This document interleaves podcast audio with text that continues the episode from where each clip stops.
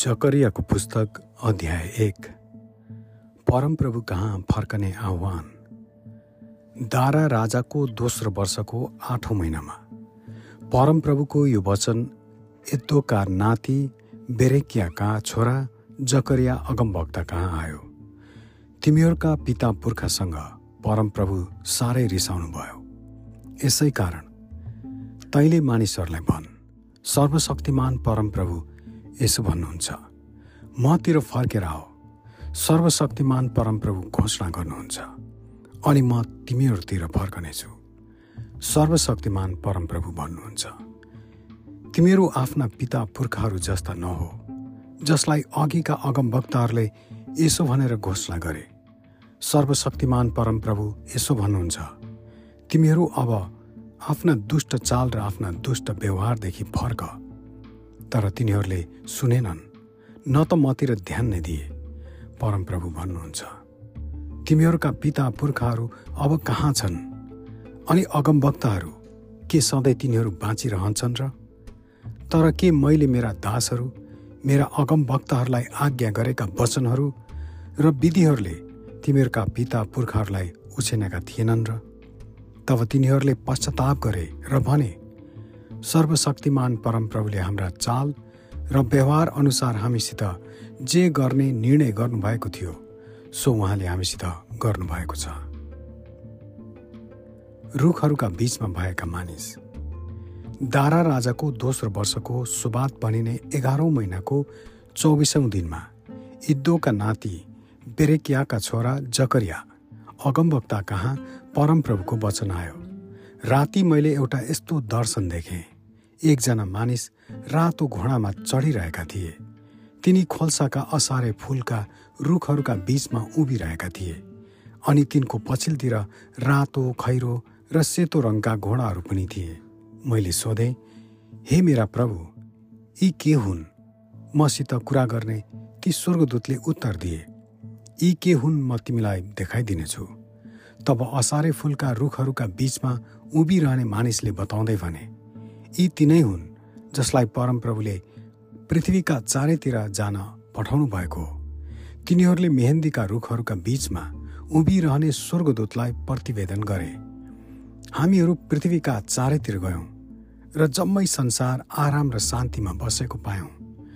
तब परमप्रभुका दूतले भने सर्वशक्तिमान परमप्रभु यी सत्तरी वर्षसम्म तपाईँ एरुसेलम र यहुदाका नगरहरूसँग रिसाउनु भएको छ।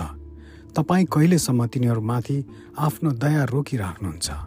यसैले मसित कुरा गर्ने स्वर्गदूतलाई परमप्रभुले सान्त्वनाका साथ वचन भन्नुभयो।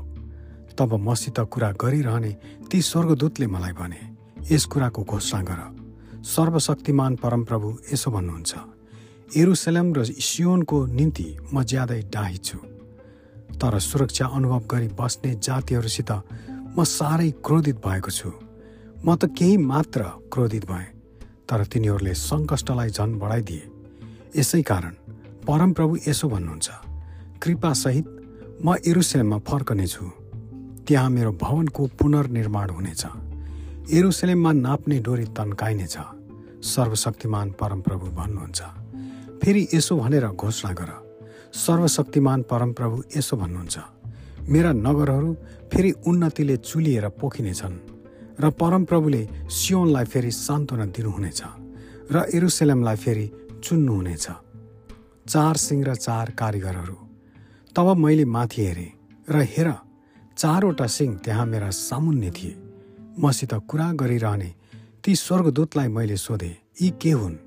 तिनले मलाई जवाफ दिए यी तिनै सिंहहरू हुन् जसले यहुदा इजरायल र एरुसलेमलाई तितर बितर पारे।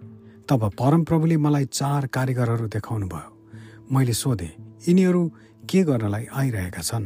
तिनले जवाफ दिए एकैजना मानिसले पनि शिर खडा गर्न नसक्ने गरी यहुदालाई तितर बितर गर्ने सिंहहरू यिनै हुन्। तर कारिगरहरू चाहिँ तिनीहरूलाई त्रासमा पार्न र यहुदा र देशको विरुद्धमा त्यसका मानिसहरूलाई तितर बितर पार्ने जातिहरूका सिंहहरूलाई फालिदिन आएका हुन्। आमेन।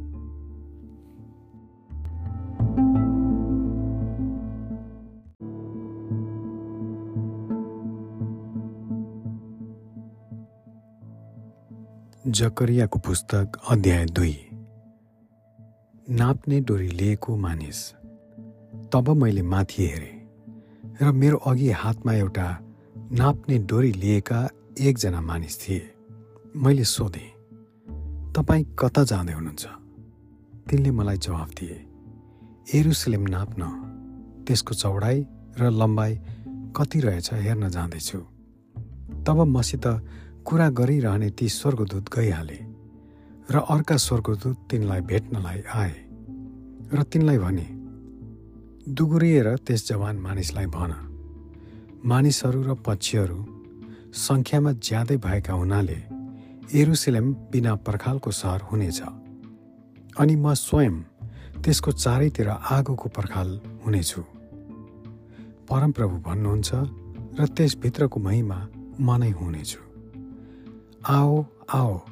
उत्तरको देशदेखि भागे आओ।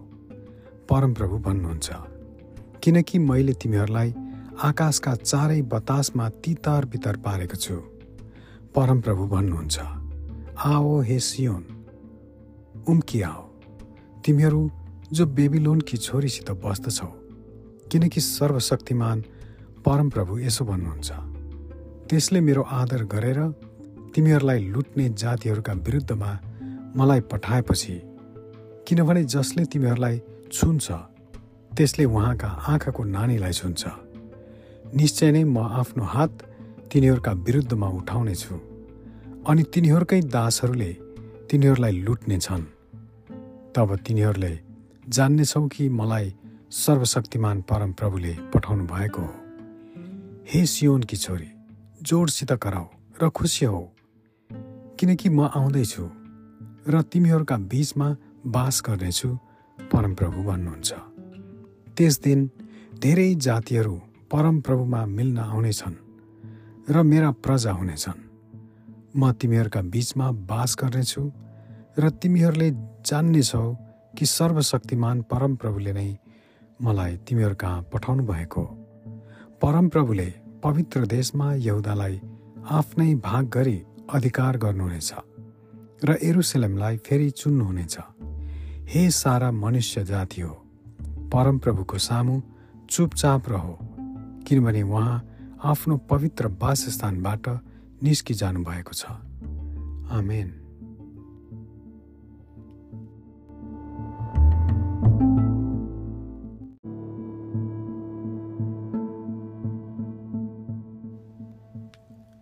जकरियाको पुस्तक अध्याय तिन। प्रधान पुजारीको निम्ति सफा लुगा। तब उहाँले प्रधान पुजारी यहोसुलाई परमप्रभुका दूतको सामुन्ने उभिरहेका र सैतान तिनको विरोध गर्नलाई तिनको दाहिने हाततिर उभिरहेको मलाई देखाउनु भयो परमप्रभुले सैतानलाई भन्नुभयो ए सैतान परमप्रभुले तँलाई हकारुन्। एरुसलेमलाई चुन्नुहुने परमप्रभुले तँलाई हकारुन्। के यो मानिस आगोबाट निकालिएको अगुल्टो होइन र अब यहोसु चाहिँ स्वर्गदूतको अघि फोहोर लुगा लगाएर उभिएका थिए। तब ती स्वर्गदूतले आफ्नो सामुन्ने उभिरहेकोहरूलाई भने त्यसको फोहोर लुगाहरू फुकालिदेऊ। तब तिनले यहोसुलाई भने हेर मैले तिम्रा पाप दूर गरिदिएँ र म तिमीलाई दामी दामी लुगा लगाइदिनेछु। तब मैले भने तिनको शिरमा एउटा सफा फेटा लगाइदेऊ यसैले तिनीहरूले तिनलाई एउटा सफा फेट फेटा र लुगा लगाइदिए र परमप्रभुका स्वर्गदूत नजिक उभिरहेका थिए। तब परमप्रभुका स्वर्गदूतले यहुसुलाई यो कडा आज्ञा दिए सर्वशक्तिमान परमप्रभु यसो भन्नुहुन्छ यदि त मेरो मार्गमा हिँडिस् र तैँले मेरा आज्ञा पालन गरिस् भने त मेरो घरको जिम्मेवार र मेरो मन्दिरको हेरचाह गर्ने हुनेछस्। र यी यहाँ उभिरहेका बिचमा म तँलाई एउटा स्थान दिनेछु। हे योहसु प्रधान पुजारी र तेरो सामुन्ने बस्ने तेरा साथीहरू जो पछि हुने कुराका चिन्ह जस्ता छन् यी कुरा सुन। हेर म मेरो दास अर्थात् हाँगालाई ल्याउनेछु। यहोसुको सामु राखिएको डुङ्गालाई हेर। त्यसमा सातवटा आँखा छन्। र म त्यसमा लेखोट खोप्नेछु र एकै दिनमा यस देशको पाप हटाउनेछु। सर्वशक्तिमान परमप्रभु भन्नुहुन्छ त्यस दिन तिमीहरू हरेकले आफ्नो छिमेकीलाई दागको बोटमुनि र नेभाराको बोटमुनि बस्न निम्तो दिनेछौ। सर्वशक्तिमान परमप्रभु भन्नुहुन्छ।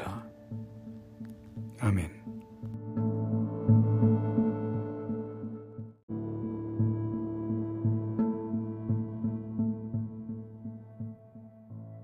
जकरियाको पुस्तक अध्याय चार। सुनौलो सामदान र दुई जैतुनका रुखहरू। जसरी कोही मानिसलाई निन्द्राबाट जगाइन्छ। तब मसित कुरा गर्ने ती स्वर्गदूतले आएर मलाई त्यसरी जगाए। तिनले मलाई सोधे तिमी के देख्छौ? मैले जवाफ दिएँ जम्मै सुनको एउटा सामदान म देख्दछु। त्यसको टुप्पामा म एउटा बटुको छ। त्यसमाथि सातवटा बत्ती छन् र टुप्पामा भएको प्रत्येक बत्तीमा सातवटा नली गाँसिएका छन्। त्यसको छेउमा दुईवटा जैतुनका रुखहरू एउटा बटुकाको दाहिनेपट्टि र अर्को त्यसको देब्रेपट्टि छन्। तब मसित कुरा गर्ने ती स्वर्गदूतलाई मैले सोधेँ हे मेरा प्रभु यी के हुन्? तिनले जवाफ दिए यी के हुन् भने तिमी जान्दैनौ। मैले त जवाफ दिएँ अह जान्दिन मेरा प्रभु। यसैले तिनले मलाई भने एरु बाबेलको निम्ति परमप्रभुको यो वचन छ। न त बलले न शक्तिले तर मेरो आत्माले सर्वशक्तिमान परमेश्वर भन्नुहुन्छ। ए शक्तिशाली पर्वत त के होस् र? एरु बाबेलको सामुन्ने त मैदान हुनेछस् अनि उहाँले शिर ढुङ्गालाई परमेश्वरले यसलाई आशिष देऊन् भन्ने जय जयकारका साथ निकाल्नुहुनेछ। तब परमप्रभुको यो वचन म कहाँ आयो? यस मन्दिरको जग एरु बाबेलका हातले बसालेका छन्। त्यसैका हातले यो सिद्ध्याउने छन्।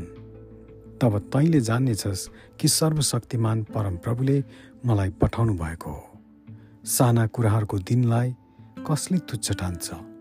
एरु बाबेलको हातमा तिनीहरूले साहुल देख्दा मानिसहरू रमाउने छन्। यी सातवटा बत्ती चाहिँ परमप्रभुका आँखा हुन् जसले सारा पृथ्वीमा यताउता हेरिरहन्छन्। तब मैले स्वर्गदूतलाई सोधेँ यस सामदानको दाहिने र देब्रेपट्टि भएका यी दुई जैतुनका रुखहरू चाहिँ के हुन्? फेरि मैले तिनलाई सोधेँ यी दुई जैतुनका हाँगा के हुन् जो ती दुई सुनका नलीहरूका छेउमा छन् र जसद्वारा सुनको तेल खनिन्छ? तिनले जवाफ दिए यी के हुन् भने तिमी जान्दैनौ? मैले भने अह म जान्दिनँ मेरा प्रभु। तब तिनले भने यी दुई चाहिँ सारा पृथ्वीका परमप्रभुको सेवा गर्न अभिषेक भएकाहरू हुन्। आमेन।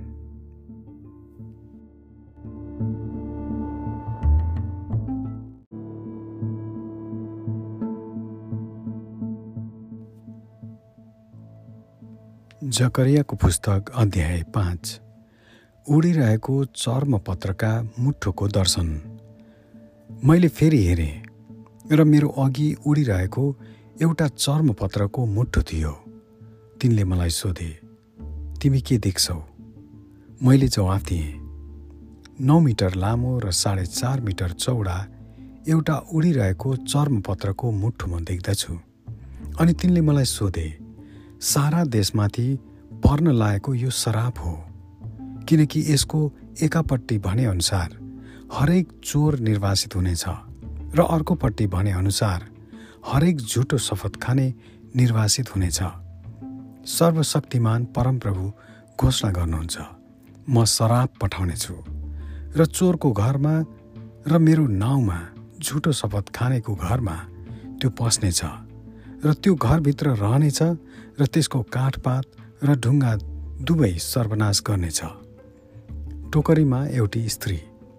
तब मसित कुरा गर्ने स्वर्गदूतले अघि आएर मलाई भने त्यो के निस्केर आइरहेछ? सो हेर। तब मैले सोधेँ त्यो के हो?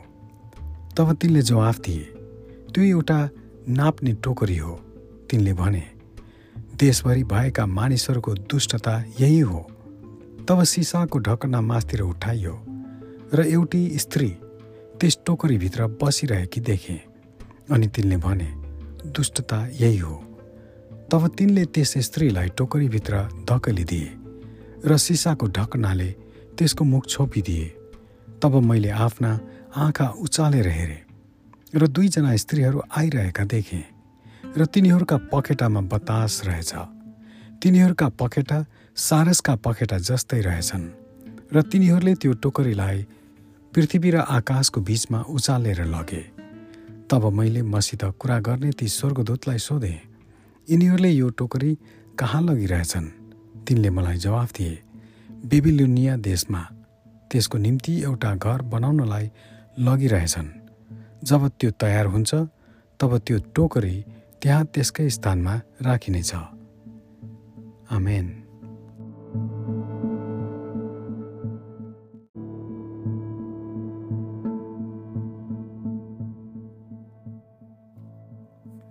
जकरियाको पुस्तक अध्याय छ। चार रथहरू। फेरि मैले माथि हेरेँ र मेरो अघि दुई पर्वतका बिचबाट चारवटा रथहरू आएको देखेँ। ती पर्वतहरू काँसाका थिए।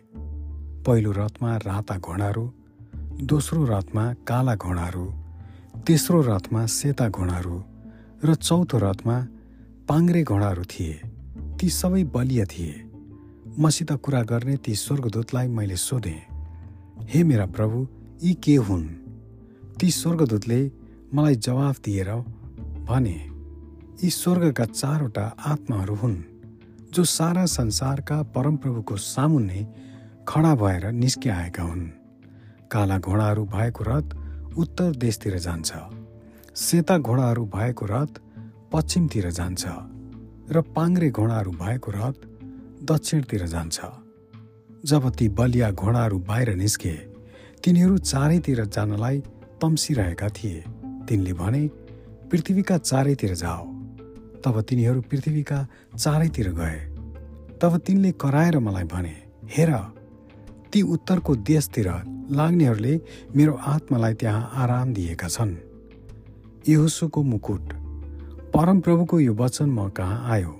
बेबिलोनको निर्वासनबाट आएका हेल्दै तोबिया र याबाट भेटिले त्यही दिन सपन्याको छोरो योसियाको घरमा जा सुन र चाँदी लिएर एउटा मुकुट बना र त्यो यो साधकको छोरो प्रधान पुजारी योसुको शिरमा लगाइदिए त्यसलाई भन् सर्वशक्तिमान परमप्रभु यसो भन्नुहुन्छ हेर यो मानिस जसको नाउँ हाँगो हो। त्यो आफ्नो ठाउँमा बढ्नेछ र परमप्रभुको मन्दिर बनाउनेछ। त्यसले नै परमप्रभुको मन्दिर बनाउनेछ र त्यो महामहिमाले पहिराइनेछ र आफ्नो सिंहासनमा विराजमान भएर राज्य गर्नेछ र त्यो सिंहासनमा एकजना पुजारी हुनेछ अनि दुवैको बिचमा मिलाप हुनेछ। हेल्दै तोबिया यादाया र सपन्याको छोरो हेनलाई परमप्रभुको मन्दिरमा सम्झनाको निम्ति त्यो मुकुट दिइनेछ जो टाढा टाढामा छन्। ती आएर परमप्रभुको मन्दिर बनाउन सघाउने छन् र सर्वशक्तिमान परमप्रभुले मलाई तिमीहरू कहाँ पठाउनु भएको हो भने तिमीहरूले जान्नेछौ।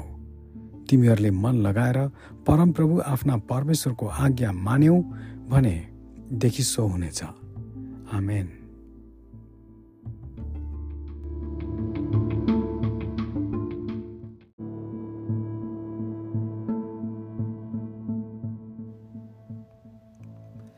जकरियाको पुस्तक अध्याय सात। उपवास होइन न्याय र कृपा।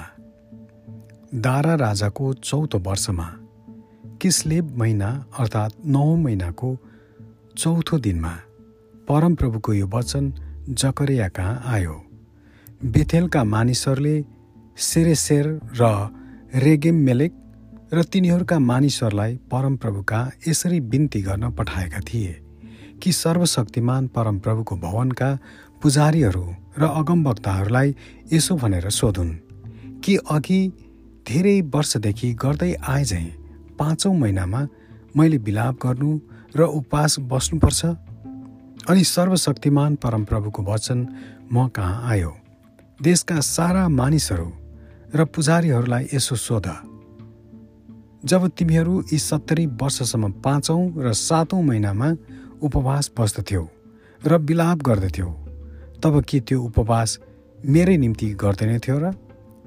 अनि जब तिमीहरू खान्थ्यौ र पिउँथ्यौ तब के तिमीहरू आफ्नै निम्ति भोजन गर्दैनथ्यो र? जब एरुसेलम र त्यसका चारैतिरका नगरहरूमा स्थिरता र फलिफाप थियो र नेगेब र पश्चिमको तराई स्थिर भएका थिए तब के अघिका अगमभक्तहरूद्वारा घोषणा भएको परमप्रभुको वचन यही होइन र अनि जकरिया कहाँ परमप्रभुको यो वचन फेरि आयो। सर्वशक्तिमान परमप्रभु यसो भन्नुहुन्छ साँचो न्याय गर एकले अर्कालाई दया देखाओ र टिठाओ विधवाहरू र टुरा टुरी विदेशी अथवा गरिबहरूमाथि अत्याचार नगर। आफ्नो हृदयमा एक अर्काप्रति खराब नसोच। तर तिनीहरूले त ध्यान दिएर सुन्नलाई इन्कार गरे। हटी भएर तिनीहरूले आफ्नो पिठ फर्काए र आफ्ना कान थुने। सर्वशक्तिमान परमप्रभुले आफ्ना आत्माद्वारा अघि अघिका अगम वक्ताहरूद्वारा दिनुभएका व्यवस्था र वचन तिनीहरूले सुन्न मानेनन् र आफ्ना हृदय चमचमको ढुङ्गा झैँ कडा बनाए। यसै कारण सर्वशक्तिमान परमप्रभु साह्रै रिसाउनुभयो जसरी मैले बोलाउँदा तिनीहरूले सुनेनन् त्यसरी नै तिनीहरूले बोलाउँदा म तिनीहरूको बिन्ती सुन्दिनँ। सर्वशक्तिमान परमप्रभु भन्नुहुन्छ। तिनीहरूलाई विदेशी भएर बसेका जाति जातिहरूका बीचमा आदि बेहरीले झैँ मैले तितर बितर पारे। तिनीहरूको देश निर्जन भयो। यतिसम्म कि त्यसमा कोही पनि आउन वा जान सकेन। यसरी तिनीहरूले त्यो सुन्दर देश उजाड पारे। आमेन।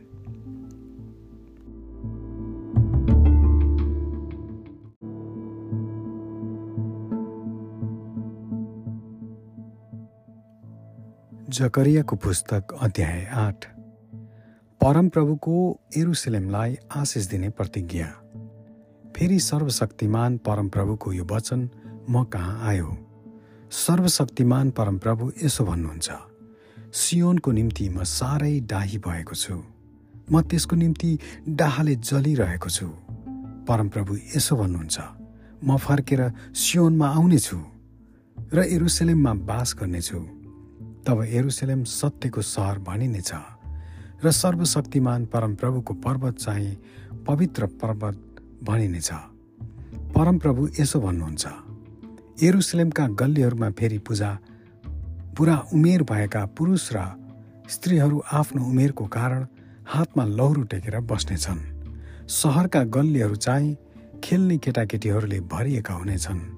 सर्वशक्तिमान परमप्रभु यसो भन्नुहुन्छ त्यस बेला यी मानिसहरू मध्येबाट बचेकाहरूलाई त्यो कुरा अचम्मको लाग्ला। तर के त्यो मेरो नजरमा पनि अचम्मको होला त? सर्वशक्तिमान परमप्रभु भन्नुहुन्छ। सर्वशक्तिमान परमप्रभु यसो भन्नुहुन्छ हेर म मेरो प्रजालाई पूर्वको देश र पश्चिमको देशदेखि बचाउने छु म तिनीहरूलाई एरुसलेममा पस्नलाई ल्याउनेछु। तिनीहरू मेरा प्रजा हुनेछन् र म तिनीहरूका परमेश्वर भएर तिनीहरूप्रति विश्वासी र धार्मिक हुनेछु। सर्वशक्तिमान परमप्रभु यसो भन्नुहुन्छ तिमीहरू जसले अहिले ती अगमभक्तहरूद्वारा भनेका वचनहरू सुन्दछौ जो सर्वशक्तिमान परमप्रभुका भवनको जग बसाल्दा त्यहाँ थिए तिमीहरूका हातहरू बलिया हुन् कि मन्दिरको निर्माण हुन सकोस्। त्यस समयभन्दा अघि मानिस र पशुको निम्ति ज्याला थिएन। शत्रुको कारण कुनै मानिस सुरक्षासहित आफ्नो काममा जान सक्दैनथे किनकि मैले सबै मानिसहरूलाई आफ्नो छिमेकीको विरुद्धमा खडा गरेको थिएँ। तर अब म यस प्रजाका बाँकी रहेकाहरूमाथि अघिका दिनमा जस्तै गर्ने छैन। सर्वशक्तिमान परमप्रभु भन्नुहुन्छ बिउ राम्ररी उब्जिनेछ दागको बोटले फल दिनेछ जमिनले त्यसको अन्न उब्जाउनेछ र आकाशले शीत झार्नेछ। म यस प्रजाको बाँकी रहेका मानिसहरू यी सबै कुरा उत्तराधिकारको रूपमा दिनेछु। हे इज यहुदा र इजरायल हो जसरी तिमीहरू जाति जातिहरूका बीचमा अभिशाप भएका थियौ। यसरी म तिमीहरूलाई बचाउने छु र तिमीहरू आशिषको कारण हुनेछौ। न डराओ तर तिमीहरूका हात बलियो हौन्। सर्वशक्तिमान परमप्रभु यसो भन्नुहुन्छ। जसरी तिमीहरूका पिता पुर्खाले मलाई रिस उठाउँदा तिनीहरूलाई विपत्ति ल्याउने अठोट गरेथे र मैले पछितो गरिनँ। सर्वशक्तिमान परमप्रभु भन्नुहुन्छ। त्यसरी नै अब एरुसलेमलाई र यहुदालाई फेरि भलाइ गर्न मैले निश्चय गरेको छु। तिमीहरू नडर तिमीहरूले गर्नुपर्ने काम यिनै हुन्। एक अर्कासँग साँचो बोल्ने गर र आफ्ना न्यायालयमा सत्य र असल न्याय गर। आफ्नो छिमेकीको विरुद्धमा खराब षड्यन्त्र नगर र झुटा शपथ खान नरुचाओ।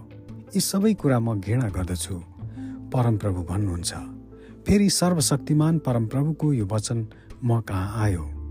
सर्वशक्तिमान परमप्रभु यसो भन्नुहुन्छ चौथो पाँचौँ सातौँ र दसौँ महिनामा हुने उपवासहरू यहुदाको निम्ति रमाहट खुसीका रस समय र आनन्दका चाडहरू हुनेछन्।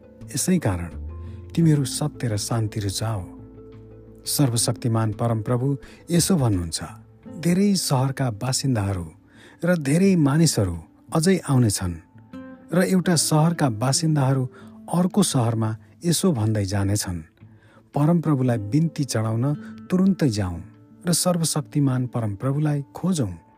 म आफै पनि जानेछु धेरै सामर्थी जातिहरू र मानिसहरू एरुसलेममा सर्वशक्तिमान परमप्रभुको खोजी गर्न र उहाँको निगाह प्राप्त गर्न आउनेछन्।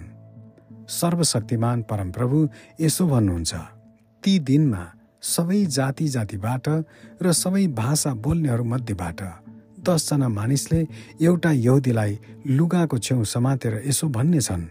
हामी तपाईँसितै जानेछौँ किनभने हामीले सुनेका छौँ कि परमेश्वर तपाईँसित हुनुहुन्छ। आमेन।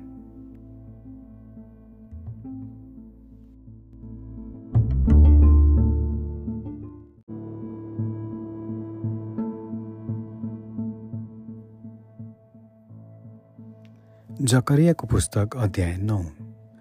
इजरायलका शत्रुहरूको न्याय। परमप्रभुको वचन हद्राक देशको विरुद्धमा छ र दमस्कसमा पनि पर्नेछ। किनभने मानिसहरू र इजरायलका सारा कुलहरूका आँखा परमप्रभुमाथि छन्। सिमानामा भएको हमातमाथि पनि र टुरोस र सिदोनमाथि पनि यद्यपि तिनीहरू साह्रै निपुण छन्। टुरोसले आफ्नो निम्ति एउटा गढी बनाएको छ। त्यसले चाँदी धुलो सरह र सुन गल्लीहरूको हिलो झैँ थुपारेको छ। तर परमप्रभुले त्यसको धन सम्पत्ति खोज्नुहुनेछ र त्यसको शक्ति समुद्रमा सर्वनाश गरिदिनुहुनेछ अनि आगोले त्यो भस्म हुनेछ। अश्वलोनले त्यो देख्दछ र डराउनेछ। गाजा पीडाले छटपटाउनेछ। एक्रोन पनि पीडामा पर्नेछ किनकि त्यसको आशा सेलाएर जानेछ। गाजाबाट राजा नष्ट हुनेछ र असलमा फेरि कोही बास गर्ने छैन। अस्दोतलाई विदेशीहरूले अधिकार गर्नेछन् र पलिस्तीहरूको अहङ्कार म नष्ट गरिदिनेछु। म तिनीहरूका मुखबाट रगत र तिनीहरूका दाँतबाट घिन लाग्दो कुरा निकालिदिनेछु। बाँकी रहेकाहरू परमेश्वरका हुनेछन् र यहुदामा ती कुलपति जस्तै हुनेछन्। अनि एक्रोन चाहिँ एबुसी जस्तै हुनेछ।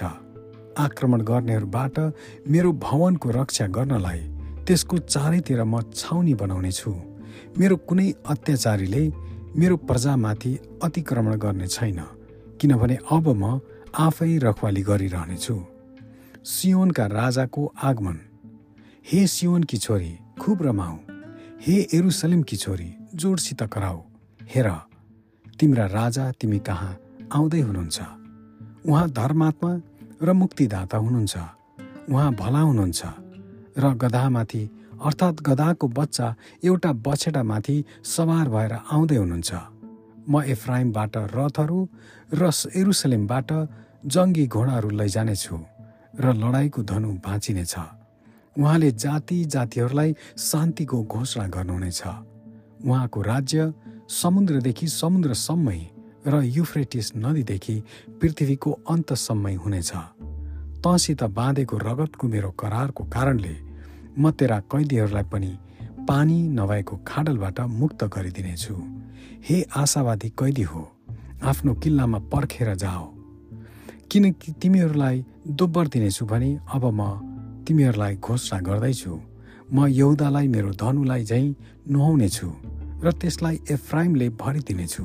हे सियोन तेरा छोराहरूलाई म ग्रिसमा ग्रिसका छोराहरूका विरुद्धमा सुर्याउनेछु र म तँलाई वीर मानिसको तरवार चाहिँ तुल्याउनेछु। परमप्रभु देखा पर्नुहुनेछ। अनि परमप्रभु तिनीहरूका देखा पर्नुहुनेछ र उहाँको काँड बिजुली झैँ चम्कनेछ। परमप्रभु परमेश्वरले तुरै फुक्नुहुनेछ र उहाँ दक्षिणका आदिबेरीमा भएर हिँड्दै जानुहुनेछ। सर्वशक्तिमान परमप्रभुले तिनीहरूको रक्षा गर्नुहुनेछ। तिनीहरूले शत्रुलाई सर्वनाश पार्नेछन् र घुएत्रोका ढुङ्गाहरूद्वारा तिनीहरूलाई पराजय गर्नेछन्। तिनीहरूले दाखमध्ये पिउनेछन् र लागे चाहिँ गर्जनेछन्। तिनीहरू वेदीका कुना कुनामा छर्कने ठुलो बटुका भरिए झैँ हुनेछन्। त्यस दिन परमप्रभु तिनीहरूका परमेश्वरले तिनीहरूलाई बचाउनुहुनेछ। किनभने तिनीहरू उहाँका प्रजाको बगाल हुन्। मुकुटका रत्न झैँ तिनीहरू उहाँको देशमा चम्कनेछन् तिनीहरू कति आकर्षक र सुन्दर हुनेछन् अन्नले युवकहरूलाई र नयाँ दाखमध्येले युवतीहरूलाई हिष्टपुष्ट पार्नेछ। आमेन।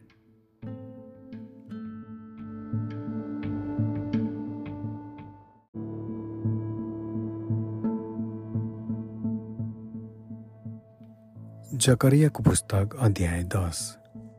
परमप्रभुले यहुदाको वास्ता गर्नुहुनेछ। वसन्त ऋतुको समयमा परमप्रभुसँग वर्षा माग। परमप्रभुले नै बादलहरू भएको आँधी बनाउनुहुन्छ। उहाँले मानिसहरूलाई पानीको झरी वर्षाइदिनुहुन्छ हरेकलाई खेतमा बोट बिरुवा दिनुहुन्छ। मूर्तिहरू छलका कुरा बोल्छन् र मन्त्र तन्त्र गर्नेहरूले झुटा दर्शनहरू देख्छन्। र झुटा सपनाहरू बताउँछन्। तिनीहरू व्यर्थमा सान्त्वना दिन्छन्। यसै कारण गोठालाको कमीले गर्दा अत्याचारमा परेका भेडा झैँ मानिसहरू बरालिन्छन्। मेरो रिस गोठालाहरूमाथि पर्छ। म अगुवाहरूलाई दण्ड दिनेछु।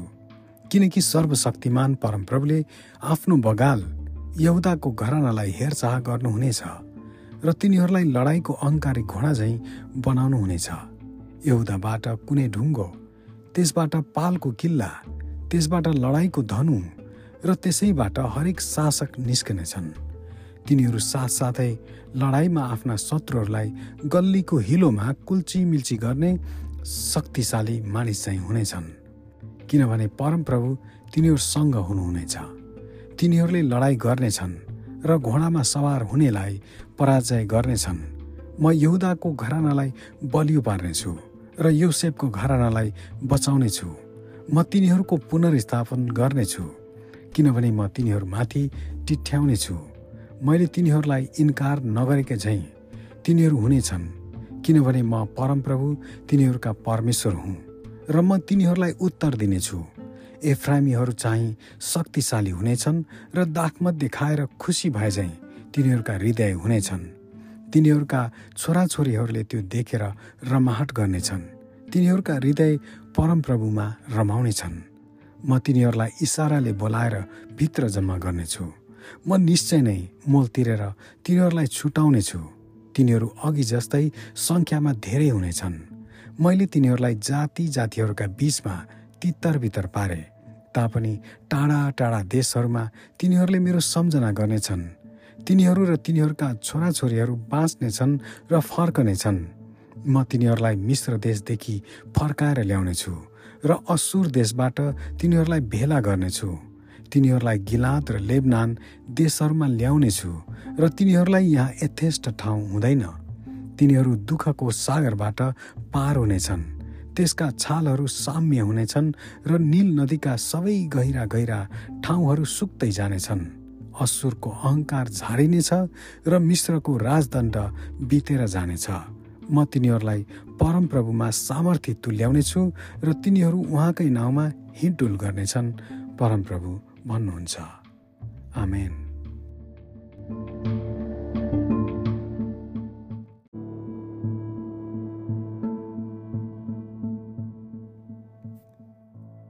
जकरियाको पुस्तक अध्याय एघार। इजरायलका दुष्ट गोठालाहरू ए लेबनान तेरा ढोकाहरू खोल ताकि आगोले तेरा देवदारूहरूलाई भस्म पारोस्। ए सल्लोको रुख बिलाप कर किनकि देवदारू ढलेको छ र अग्ला र सुन्दर रुखहरू नष्ट भएका छन्।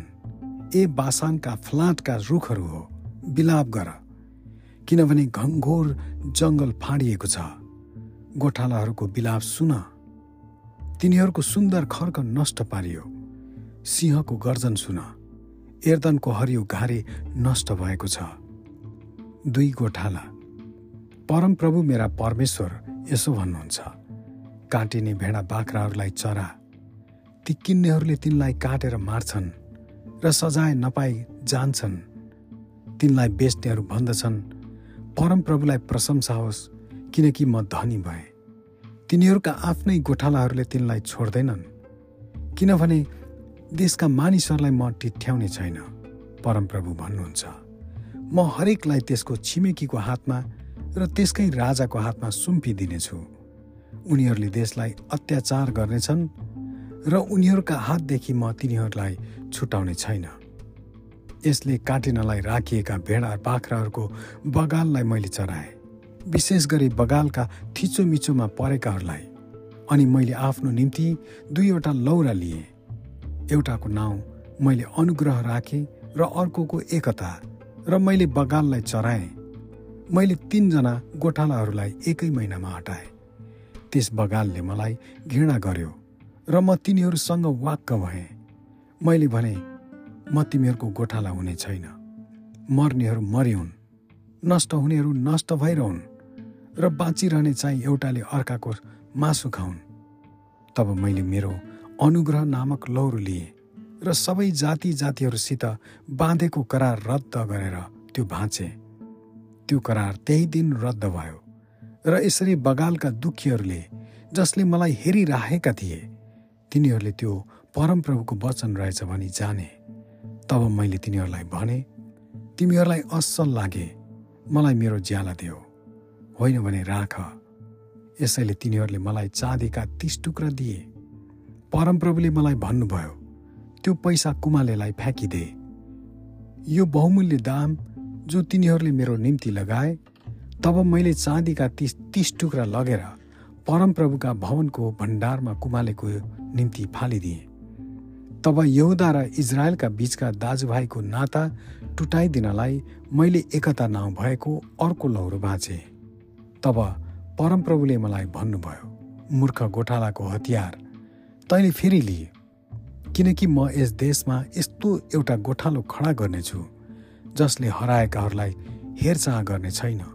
न त छरपष्ट भएकालाई भेला गर्नेछ न चोट लागेकाहरूलाई निको पार्नेछ न त रोगी निरोगीलाई चराउने छ तर त्यसले राम्रा भेडाका खोर च्यातेर तिनीहरूको मासु खानेछ। बगाल छोडेर जाने बेकामको गोठालालाई धिक्कार। त्यसको पाखुरा र दाहिने आँखालाई तरवारले हानोस् त्यसको पाखुरा जम्मै सुकेर जाओस् र त्यसको दाहिने आँखा पुरा अन्धो होस्। आमेन।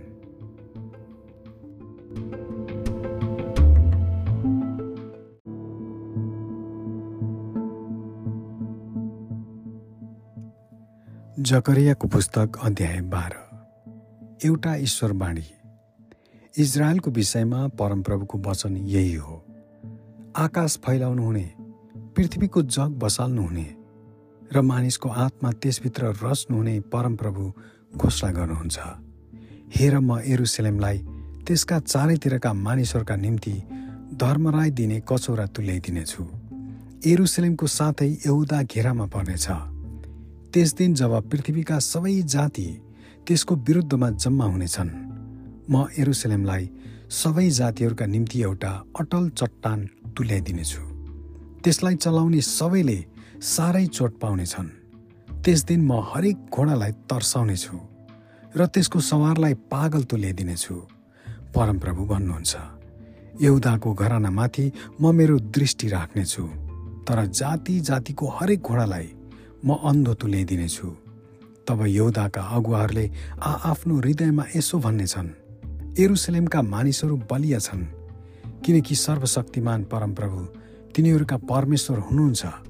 त्यस दिन म एउदाका अगुवाहरूलाई दाउराको थुप्रोमा आगोको मकल जस्तै र बिटाहरूका बीचमा जल्दो बल्दो राको जस्तै तुल्याइदिनेछु। तिनीहरूले चारैतिरका दाहिने र देब्रे हाततिरका सबै मानिसहरूलाई भस्म पार्नेछन् तर एरुसलेम आफ्नै स्थानमा कायम रहनेछ। परमप्रभुले यहुदाका वासस्थानहरूलाई पहिले बचाउनुहुनेछ र यसरी दाउदका घरानाको गौरव र एरुसलेमका बासिन्दाहरूको गौरव यहुदाको भन्दा बढ्ता नहोस्। त्यस दिन परमप्रभुले एरुसलेमका बासिन्दाहरूको रक्षा गर्नुहुनेछ अनि तिनीहरूमध्ये जो सबैभन्दा कमजोर छ त्यो दाउद झैँ हुनेछ र दाउदको घराना परमेश्वर झैँ र तिनीहरूका अघि अघि जाने परमप्रभुको स्वर्गदूत झैँ हुनेछ। त्यस दिन एरुसलेमको विरुद्धमा आउने सबै जाति जातिहरूलाई सर्वनाश गर्ने मेरो युक्ति हुनेछ। तिनीहरूले घोचेको जनको निम्ति सोक अनि म दाउदको घराना र एरुसलेमका बासिन्दाहरूमाथि अनुग्रह र नम्र निवेदन गर्ने आत्मा खनाइनेछु तिनीहरूले मलाई हेर्नेछन् जसलाई तिनीहरूले खोजेका छन् र जसरी एकमात्र छोराको लागि कोही शोक गर्दछ त्यसरी नै तिनीहरू उनको लागि शोक गर्नेछन्। पहिले जन्मेको पुत्रको निम्ति गरे जस्तै शोक गर्नेछन्। म गिद्धोको बेसीमा हदत रिमोनको जस्तो ठुलो रुवावासी भएको थियो। त्यस्तै ठुलो बिलाप त्यस दिन एरुसलेममा हुनेछ। देशभरि प्रत्येक घरानाले त्यसका पत्नीहरूले सहित अलग अलग्गै शोक गर्नेछन्। दाउदका घरानाहरूका हरू र तिनका पत्नीहरू नातानका घरानाहरू र तिनका पत्नीहरू लेवीका घरानाहरू र तिनका पत्नीहरू सिमीका वंश र तिनका पत्नीहरू बाँकी रहेका सबै वंशहरू र तिनका पत्नीहरू विलाप गर्नेछन्। आमेन।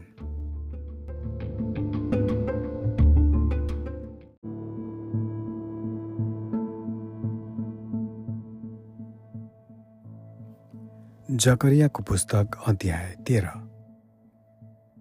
पापबाट शुद्ध हुनु। त्यस दिन तिनीहरूको पाप र अशुद्धता सफा गर्नलाई दाउदको घराना र एरुसलेमका बासिन्दाहरूका निम्ति पानीको एउटा मूल फुटेर निस्कनेछ। सर्वशक्तिमान परमप्रभु भन्नुहुन्छ म त्यस दिन देशबाट देवताहरूको नाउँ निशानै मेटिदिनेछु र तिनीहरूको सम्झना नै हुने छैन। अगमवक्ताहरू र अशुद्ध आत्मालाई पनि देशबाट म निकालिदिनेछु।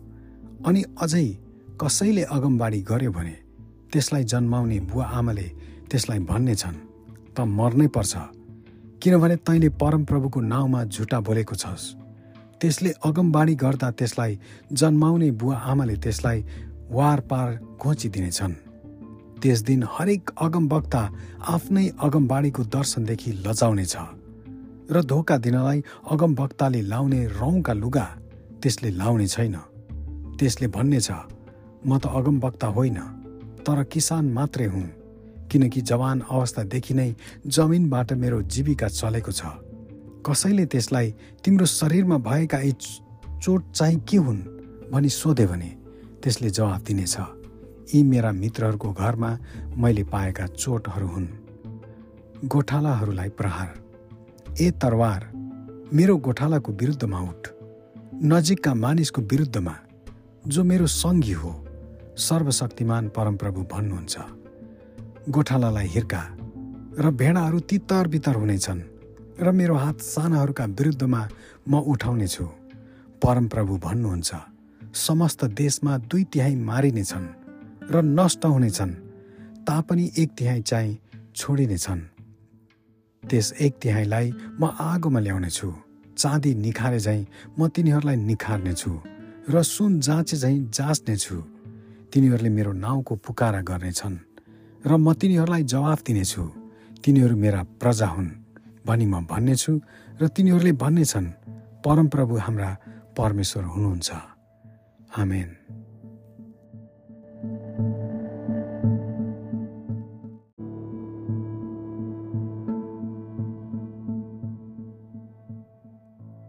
जकरियाको पुस्तक अध्याय चौध। परमप्रभु आउनुहुन्छ र राज्य गर्नुहुन्छ।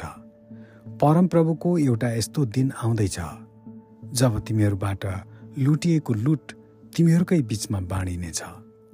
म सबै जातिहरूलाई एरुसलेमको विरुद्ध लडाइँ गर्नलाई भेला गराउनेछु र यो सहर लिइनेछ र घरहरू लुटिनेछन् र स्त्रीहरूलाई बलात्कार गरिनेछ। सहरको आधा भाग निर्वासन गरिनेछ। तर बाँकी रहेका मानिसहरू चाहिँ सहरबाट अलग लगिने छैनन्। तब युद्धको दिनमा लडाईँ गरे झैँ परमप्रभु निस्केर ती जाति जातिहरूसित लडाईँ गर्नुहुनेछ। त्यस दिन उहाँका खुट्टाले एरुसलेमको सामु पूर्वतिर भएको जैतुन डाँडामा टेक्नेछन् अनि पूर्वदेखि पश्चिमसम्म जैतुन डाँडाको बीचमा धाँधो फाट्नेछ र त्यहाँ एउटा ठुलो खोल्सा बनिनेछ। आधा पर्वत उत्तरतिर र आधा पर्वत दक्षिणतिर छुट्टिनेछ।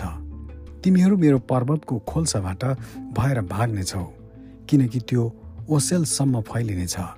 यौदाका राजा उज्जियाको पालामा आएको भूकम्पमा मानिसहरू भागे झैँ तिमीहरू भाग्नेछौ। तब परमप्रभु मेरा परमेश्वर उहाँका सबै पवित्र जनहरूसँग आउनुहुनेछ। त्यस दिन न त उज्यालो हुनेछ न ठन्डा हुनेछ न तुसारो पर्नेछ। त्यस दिनमा रात हुने छैन। त्यो एउटा अनौठो दिन हुनेछ जो परमप्रभुले जान्नुहुन्छ। जब साँझ पर्छ तब उज्यालै रहनेछ। त्यस दिन एरुसलेमबाट जिउँदो पानी निस्केर आउनेछ। आधा चाहिँ पूर्वको समुद्रतिर र आधा चाहिँ पश्चिमको समुद्रतिर बगि निस्कनेछ। हिउँद र वर्षामा नित्य बगिरहनेछ परमप्रभु समस्त पृथ्वीका राजा हुनुहुनेछ। त्यस दिन एकमात्र परमप्रभु हुनुहुनेछ र उहाँकै नाउँ मात्र हुनेछ।